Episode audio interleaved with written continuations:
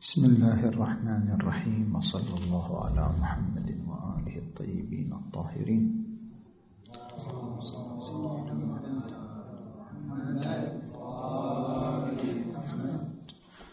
ما زال الكلام في المحطة الأولى. وسبق في الجلسة السابقة التعرض إلى بعض الملاحظات. ووصل الكلام إلى الملاحظة الثانية على فلسين شاليه في كتابه علم الأساليب.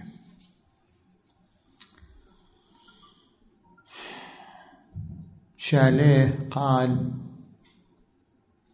بأن مبدأ العلية استفيد من الاستقراء.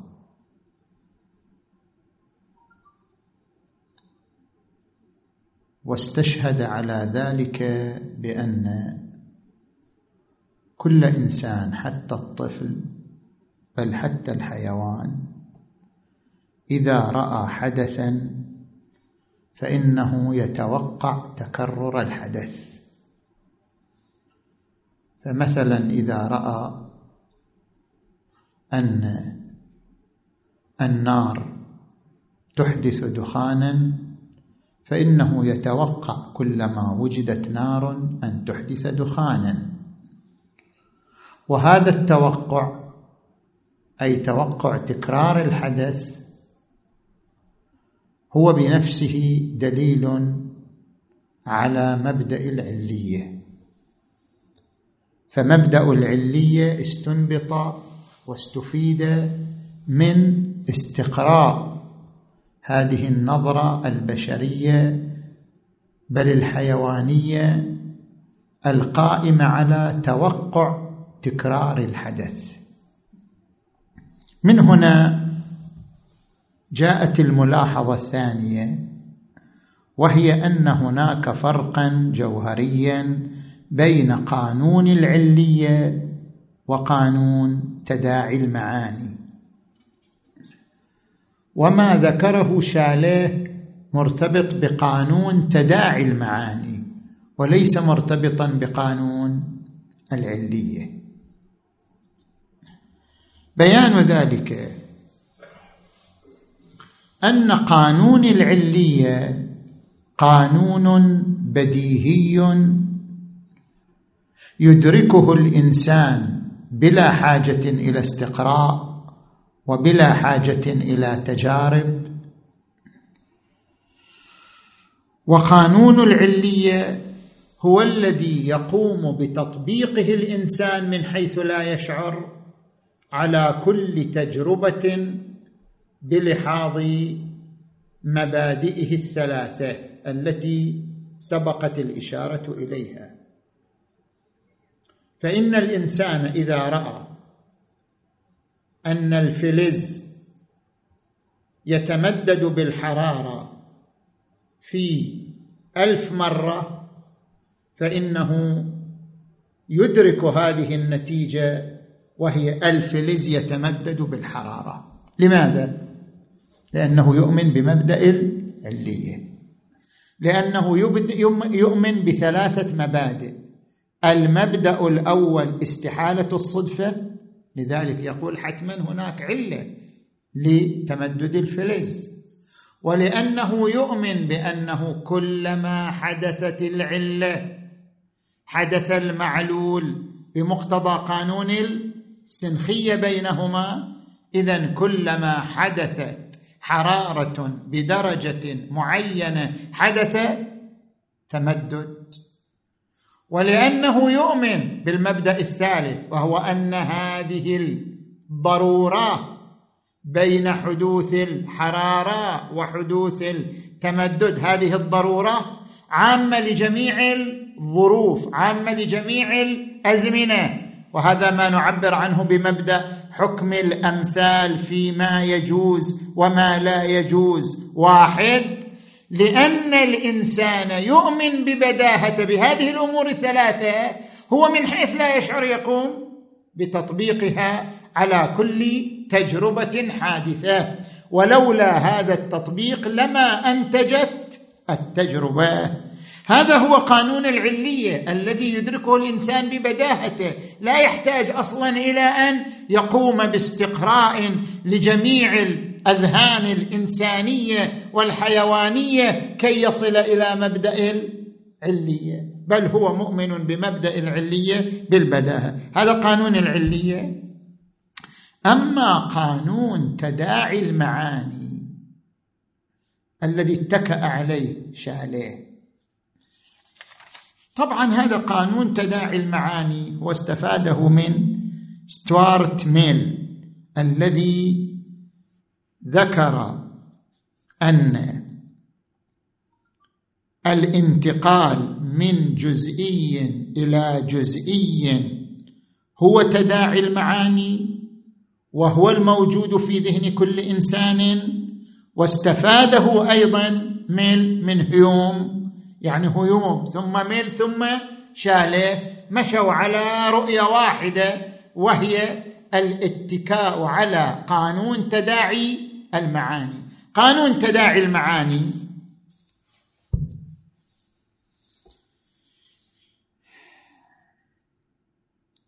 هو عبارة عن الانتقال من جزئي إلى جزئي يعني من مثال إلى مثال. الإنسان مثلا يرى أن هنا دخانا فيستدل بالدخان على وجود النار. بعد ذلك كلما رأى غيمة سوداء انتقل ذهنه إلى وجود دخان مع أنه قد لا يكون هناك دخان. كلما رأى مثلا في الليل ظاهرة سواد ينتقل ذهنه إلى وجود دخان وأن وراء الدخان نار. هذا ما يسمى بتداعي المعاني أن ينتقل من صورة جزئية إلى صورة جزئية أخرى. من دون أن يكون بينهما ارتباط واقعي. قانون تداعي المعاني هو الذي يعبر عنه المناطق يعني علماء المنطق بالتمثيل. يعني الانتقال من مثال إلى مثال من جزئي إلى جزئي من دون أن تكون بينهما رابطه هذا القانون قانون تداعي المعاني هو الذي اتكى عليه شاله قال كل إنسان حتى الطفل بل كل حيوان إذا رأى حادثة فإنه يتوقع تكرر الحادثة. لماذا يتوقع تكرر الحادثة؟ لأنسه بتداعي المعاني. لذلك يتوقع أن يحصل ما شابه ما حصل له. افترضوا مثلا إنسان يوم من الأيام رايح البحرين أو الخبر صار اصطدام. صار كل مرة يطلع ويشوف ازدحام سيارات تتوقع شنو؟ اصطدام هذا مو قانون العلية ما له علاقة بقانون العلية. هذا مستند لقانون تداعي المعاني. الانتقال من جزء إلى جزء من مثال إلى مثال. هذا القانون وهو تداعي المعاني أمر لا ربط له بمبدأ العلية في شيء. لذلك يقول الشيخ المطهري رحمه الله صفحة 139 من الجزء الثاني من أصول الفلسفة يقول إن تداعي المعاني لون من الانتقال من جزئي إلى جزئي وكلما كان الذهن نقطة هنا مهمة وكلما كان الذهن أكثر بساطة وكان العقل أشد ضعفا كان السبق الذهني إلى شنو؟ إلى تداعي المعاني. يعني الناس اللي عندهم تداعي معاني أكثر هم اللي يعيشوا بساطة في التفكير. لماذا؟ لأن الذهن كلما قوي صار يتوغل في البحث عن العلل والأسرار. ما دام الذهن ضعيفا بسيطا دائما ينتقل من مثال إلى مثال من دون أن يكتشف الروابط بين الأمثلة. من دون أن يكتشف الأسرار التي تربط بين الأمثلة فهو يعيش في إطار تداعي المعاني. كلما كان الذهن أقوى كان أقدر على البحث عن العلل والروابط التي تربط الأحداث بعضها ببعض. لذلك إذا قوي صار يستند إلى مبدأ العلية. وقبل ذلك كان يستند إلى قانون تداعي المعاني وكلا القانونين موجودان. لدى الإنسان بالفطرة لا أن مبدأ العلية مستفاد من الاستقراء كما ذكر شاليه في استدلالاته. خوش. هذه هي الملاحظة الثانية. الملاحظه الثالثه سبق في الجلسة السابقة أن قلنا بأن شاليه توقع أن هناك دور وتصدى لدفع الدور. ما هو الدور؟ قال لا يمكن أن تنجح التجربة أي تجربة كانت إلا إذا استندت إلى مبدأ العلية. زين؟ ومبدأ العلية لا يمكن الإيمان به إلا إذا استندنا إلى التجربة. إذ لو لم نقم بتجربة وهي استقراء كل الأذهان البشرية لما توصلنا إلى مبدأ العلية. فالتجربة تستند إلى مبدأ العلية. ومبدأ العلية مستند إلى التجربة اذا هذا شنو؟ دورة. أصبحت التجربة تستند إلى التجربة. هو لما توجه إلى أن كلامه يلزم منه الدور قال لا. فرق بين التجربة الأولى والتجربة الثانية. التجربة العلمية المستخدمه في العلوم الطبيعية كعلم الفيزياء كعلم الطب كعلم الأحياء. التجربة المستخدمة في العلوم الطبيعية نسميها بالتجربة العلمية هي التي تستند إلى مبدأ العلية. وأما التجربة التي اعتمدنا عليها واستفدنا منها مبدأ العلية فليست تجربة علمية وإنما تجربة سطحية تجربة عامية بمعنى أننا قمنا باستقراء الذهن الإنساني والذهن الحيواني وجدنا أن هذا الذهن عندما تحدث حادثة يتوقع تكرارها فاستنتجنا من هذا أن هناك مبدأ يسمى مبدأ العليه ففرق بين التجربتين. فلا يوجد دور. هكذا قرر ممتاز. يقول الشيخ المطهري خب ممتاز. إذا معناه أنكم عندكم مشكلة ويا الدور ولا لماذا تصديتم لدفعه؟ لماذا تصدى شاليه بكل قوة لدفع محذور الدور؟ ليش؟ شو مشكلة؟ خلي يصير دور. ليش؟ لأنه في دخيلة نفسه أن الدور شنو؟ باطل ممتنع لا يمكن أن يكون. فتصدى لدفعه. لو لم يكن في دخيلة نفسه مؤمنا بأن الدور باطل ممتنعون لما تصدى لدفعه ولإنكاره. ما الشكل زين. الآن الشيخ المطهري يمسك من يده التي توجعه من أين آمنت بأن الدور باطل؟ حتى تصديت لدفعه. ما هو دليلك على أن الدور باطل؟ أنت قلت مبدأ العلية استفيد من التجربة. هل يمكن أن يستفاد امتناع الدور من التجربة أيضا؟ إذا إحنا بنرجع المبادئ العقلية والأصول العقلية كلها إلى التجربة كما أرجعتم مبدأ العلية إلى التجربة. اذا امتناع الدور هل هو مستفاد من التجربة أيضا؟ هذا أمر غير معقول. لماذا؟ لأن التجربة أمر وجودي والأمور الوجودية لا يستدل بها إلا على القضايا الوجودية وامتناع الدور قضية عدمية وليست قضية وجودية. الدور ممتنع يعني الدور محال أن يحصل محال أن يوجد. هذا معنى الدور ممتنع.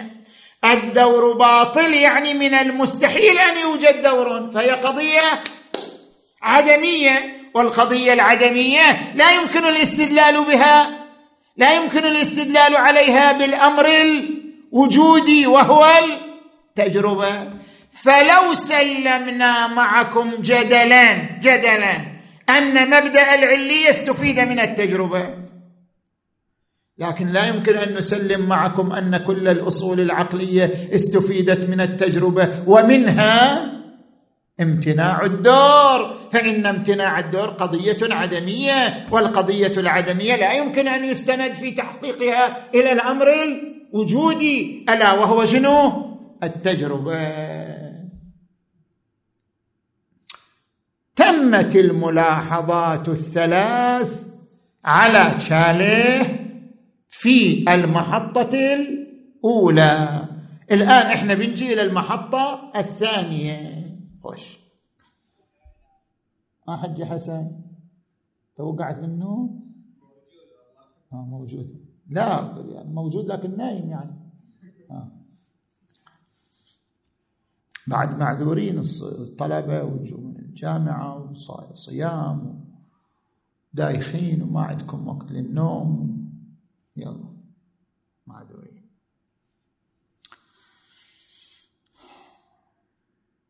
نجي إلى المحطة الثانية. المحطة الثانية في الفرق بين الاستدلال القياسي والاستدلال الرياضي.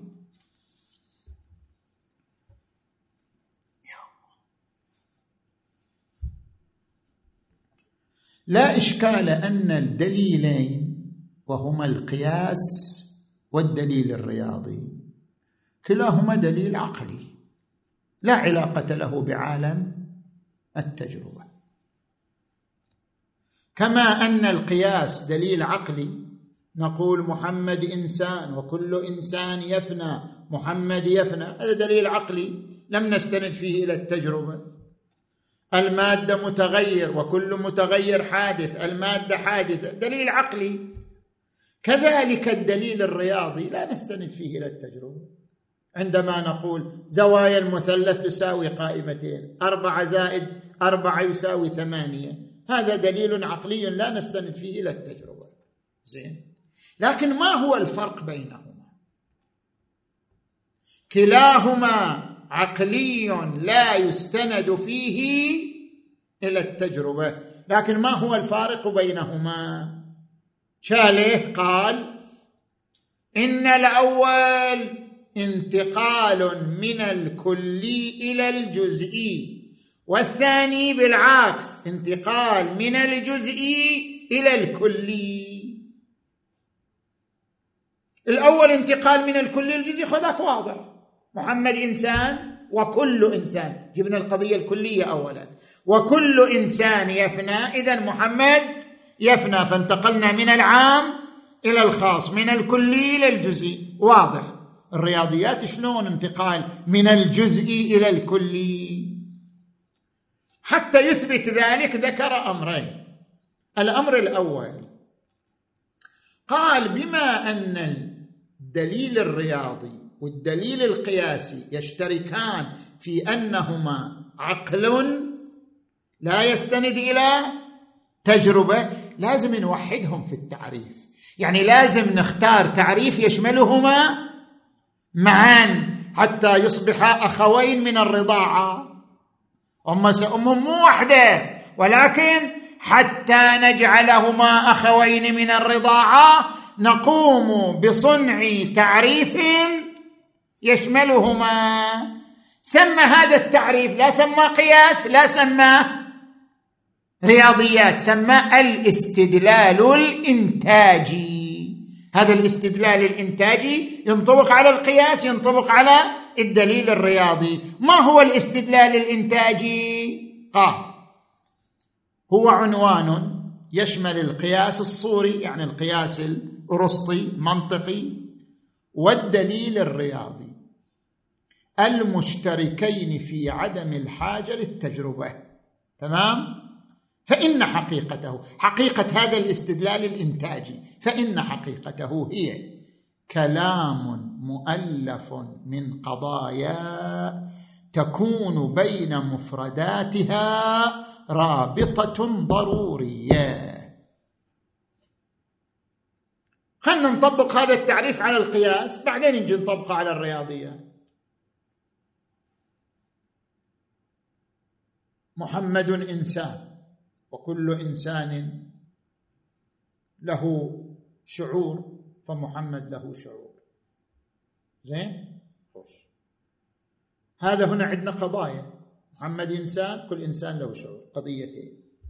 بين مفردات القضيتين توجد رابطة ضرورية. بين محمد والإنسانية قطعا في رابطة ضرورية لأن محمد من أفراد الإنسان.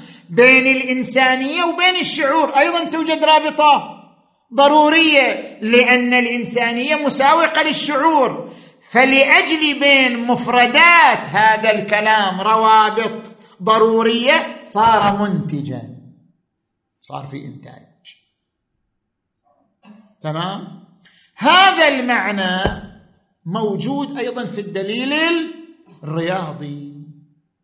في الدليل الرياضي أيضا يوجد شنو؟ روابط ضرورية بين شنو؟ مفرداته. هذا قد يتضح في في الجواب عن الاستدلال. نجي إلى الأمر الثاني. بعد ما وحدناهم وصاروا أخوين في الرضاعة وباركنا لهذه الأخوة بمناسبة أول جمعة من شهر رمضان صارت أخوة مباركة. جينا إلى الأمر الثاني. قال لكن يوجد فرق بينهما. إن الفارق بين الدليلين مع أنهما أخوان أن الاستدلال القياسي يعتمد على رابطة الاندراج. بينما الاستدلال الرياضي يعتمد على رابطة التساوي والتعادل. فرق بين الاندراج والتساوي. واضح الفرق بينهما. الاندراج يعني عام وخاص حتى يندرج الخاص ضمن العام. فلهذا صارت الرابطة ضرورية. أنت عندما قلت محمد إنسان محمد خاص وإنسان عام فمحمد يندرج في الانسان ثم قلت وكل إنسان له شعور. أيضا أدخلت الإنسان ضمن شيء أعم منه وهو ذو شعور. بالنتيجة محمد داخل ضمن إنسان والإنسان داخل ضمن ذي الشعور. اذا محمد داخل ضمن ذي الشعور. هذا يسمى علاقة الاندراج. فالإنتاج في الاستدلال القياسي السر فيه أن هناك عملية اندراج اندراج الخاص تحت العام. بينما الاستدلال الرياضي لا ما في خاص وعام مساواه كيف يعني مساواه يقول ها.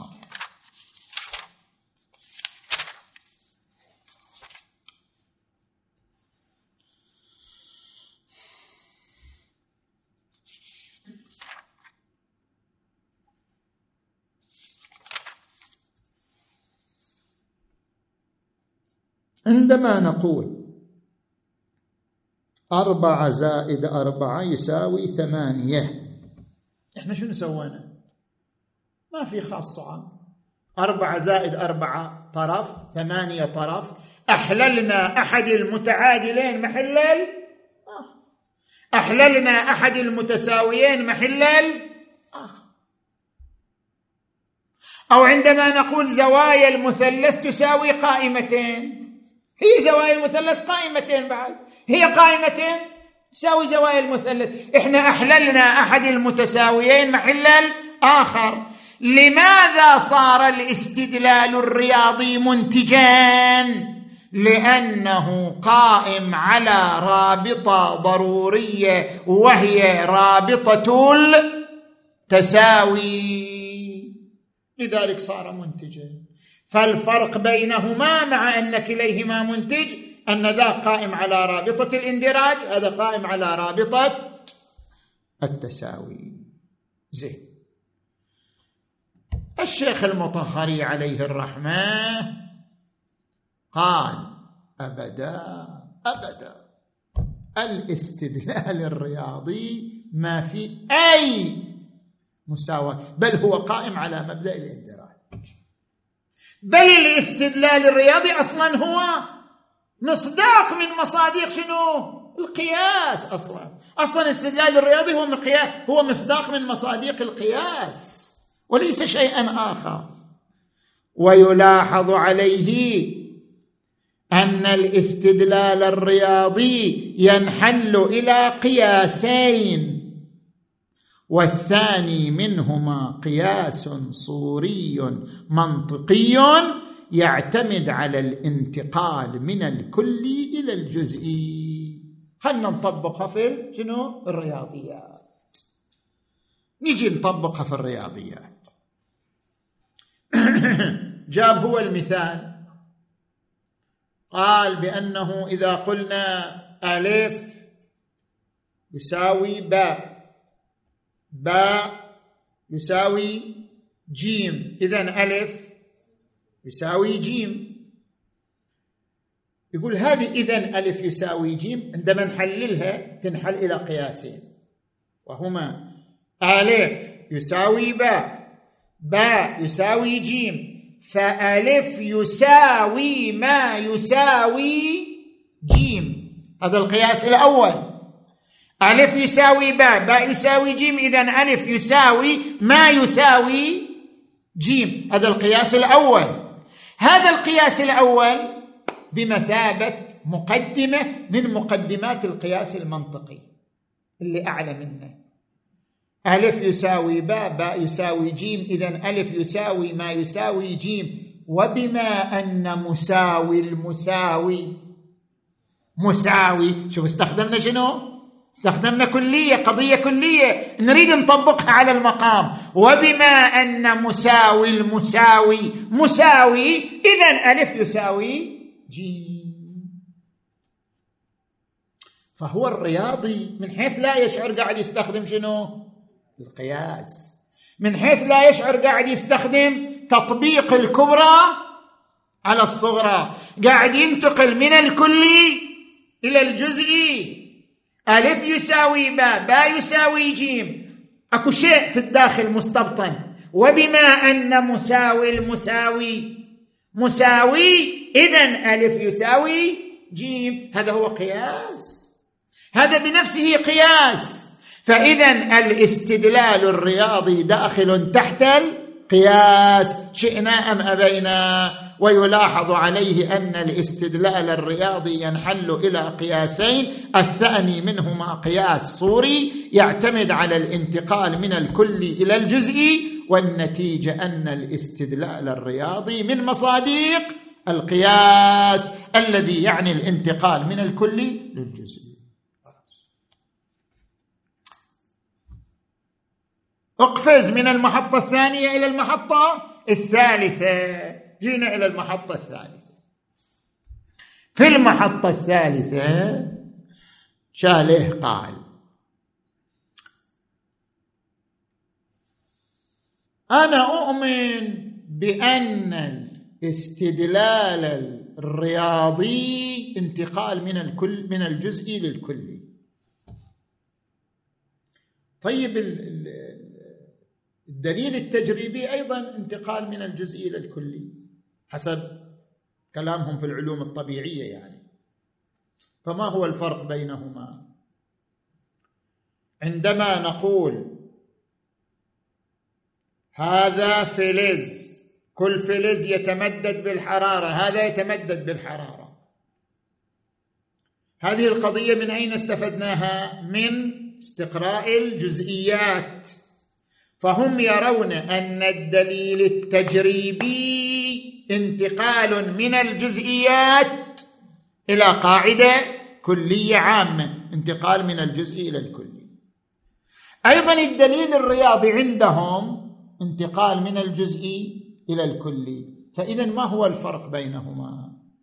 قال الفرق بين التعميم في العلوم الرياضية والتعميم في العلوم الطبيعية. ما هو؟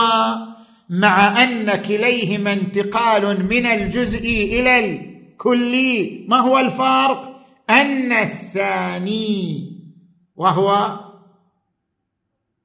العلوم الطبيعية يحتاج إلى التجربة. دون الأول يعني التعميم الرياضي ما يحتاج إلى إقامة تجربة بينما التعميم التجريبي يحتاج إلى إقامة تجربة إلا أن كليهما من الجزء إلى الكلي طبعا هذه مجرد دعوة. ما أقام عليها أي دليل. لذلك كان الجواب عنها من قبل الشيخ المطهر واضح والجواب عنه يبتني على مقدمتين. نجي إلى المقدمة الأولى. لا يعقل التصديق بالنتيجة الرياضية من دون برهان. هل يمكن أن تصدق بنتيجة رياضية من دون برهان؟ غير معقول. فالآن نجي مثلا. إذا واحد قال لك إن زوايا المثلث تساوي قائمتين هل يمكن أن تصدق بها بدون برهان؟ لا يمكن. تقول المثلث إذا أخذنا سهما من قاعدة المثلث إلى رأسه.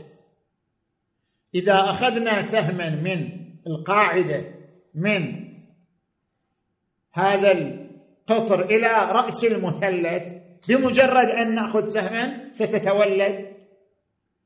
ستتولد زاويتان وكل زاوية منهما سيكون حدها تسعين درجة.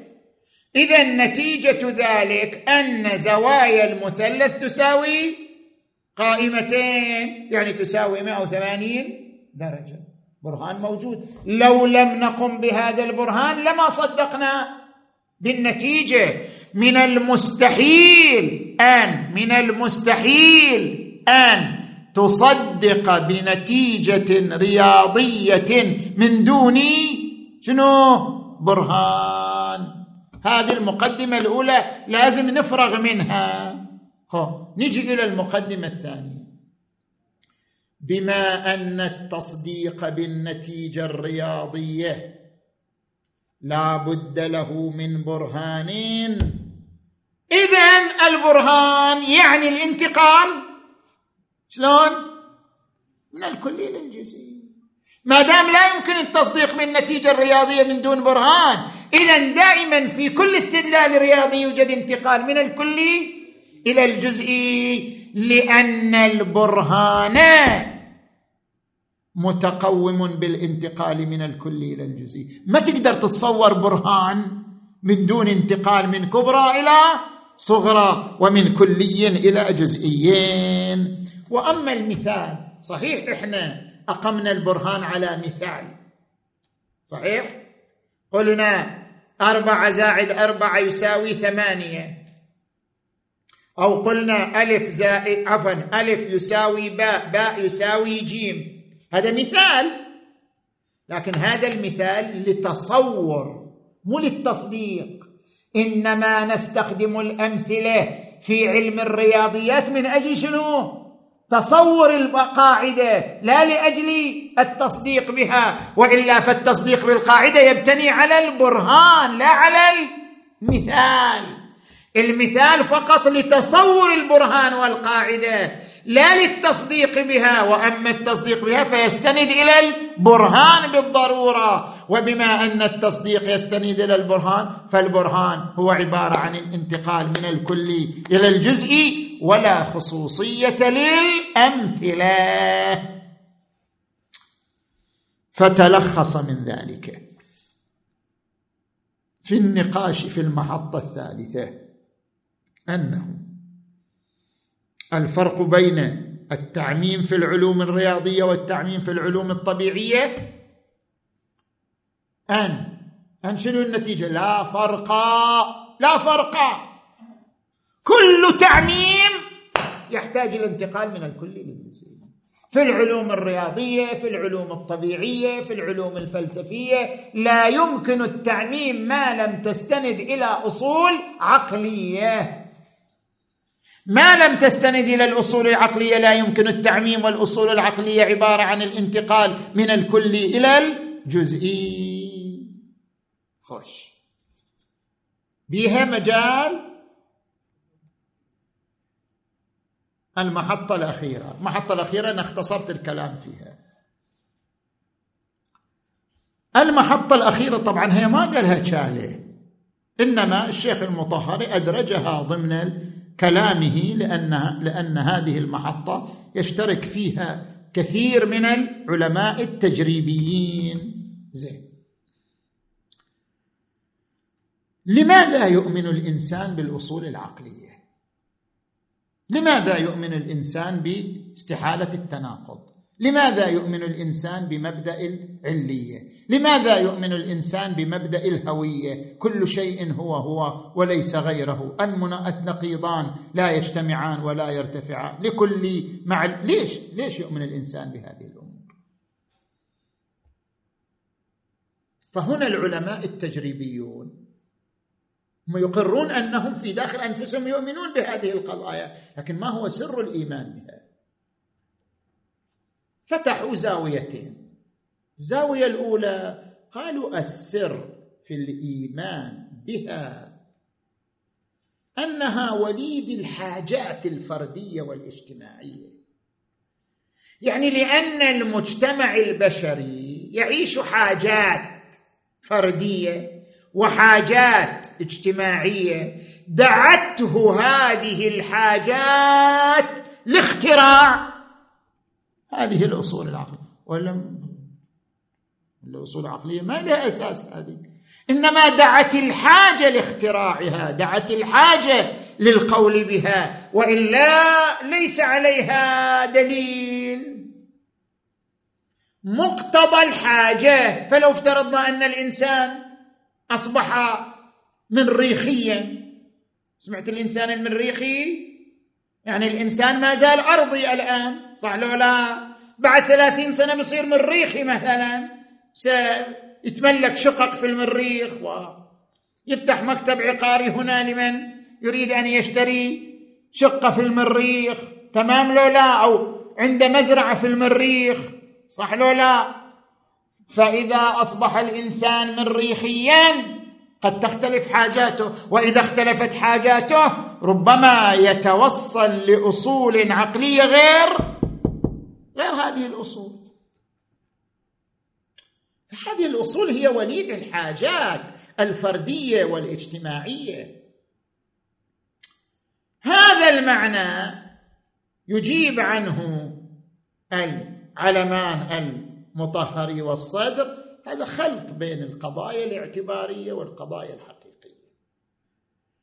القضايا التي تنتجها الحاجة تسمى قضايا اعتبارية. وفرق بينها وبين القضايا الحقيقية. الآن أنا أضرب لك مثال جدا واضح. القضايا الاعتبارية. قسمان منها طبعا. قضايا اعتبارية مستقرة قضايا اعتبارية متغيرة.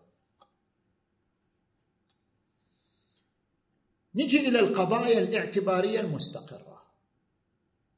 السنة كم يوم؟ 63 يوم. الشهر 30 يوم أو 29 يوم. الأسبوع سبعة أيام. اليوم 24 ساعة. الساعة 60 دقيقة. الدقيقة 60 ثانية. هذا التقسيم واقعي واعتباري الواقع ما في شو اسمه؟ أصلا في الواقع ما في 63 يوم. شنو شنو في الواقع؟ ليس هناك إلا أرض متحركة وشمس متحركة. أصلا لا في لا 63 يوم ولا في.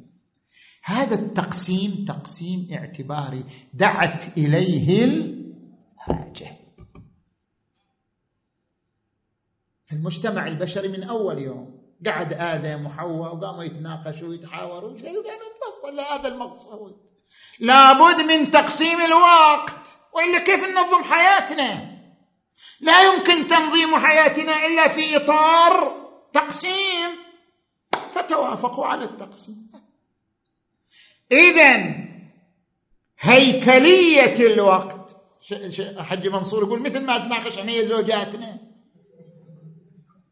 مثل ما نقعد هي زوجاتنا ونتفاهم. شلون كذا. طبعا الرأي الأخير لمن؟ للزنانة. زين. فإذا الحاجة البشرية والاجتماعية الحاجة البشرية فردية أو اجتماعية فرضت على المجتمع البشري أن يقوم بتقسيم الوقت. فهذا التقسيم قضية اعتبارية فرضتها الحاجة البشرية إلا أنها قضية مستقرة. ما تتغير. لأنهم إن غيروها فسد فسدت الحياة. هذه قضية اعتباريه مستقرة يعني ثابتة. وفي قضايا اعتبارية لا متغيرة. افترضوا نظام المرور في الشرق الأوسط غير نظام المرور في بريطانيا صح لو لا؟ هو قضية اعتبارية. الحاجة حاجة المجتمع البشري في بريطانيا تقتضي نظام مرور بشكل معين. الحاجة في الشرق الأوسط تقتضي نظام مرور بشكل آخر. نظام المرور قضية اعتبارية قضية اعتبارية متغيرة. لو كانت الأصول العقلية استحالة التناقض مبدأ العلية مبدأ الهوية قضايا ناتجة عن الحاجة لكانت قضايا شنو؟ اعتبارية. والحال بأنها قضايا حقيقية سابقة أصلا على الاعتبار. سابقة أصلا على إدراك الحاجات البشرية. قضايا يدركها الإنسان بفطرته قبل أن يدرك الحاجة وقبل أن يؤسس على الحاجة قضايا اعتبارية معينة. والآن يتبين هذا من الشق الثاني. الزاوية الثانية التي فتحوها. قالوا هذه الأصول العقلية. إنما دير بالك حج مهدي. هذه الأصول العقلية إنما آمن بها الإنسان اضطرارا. اضطرارا. يعني مضطر لها وش يسوي؟ مغلوب على أمره.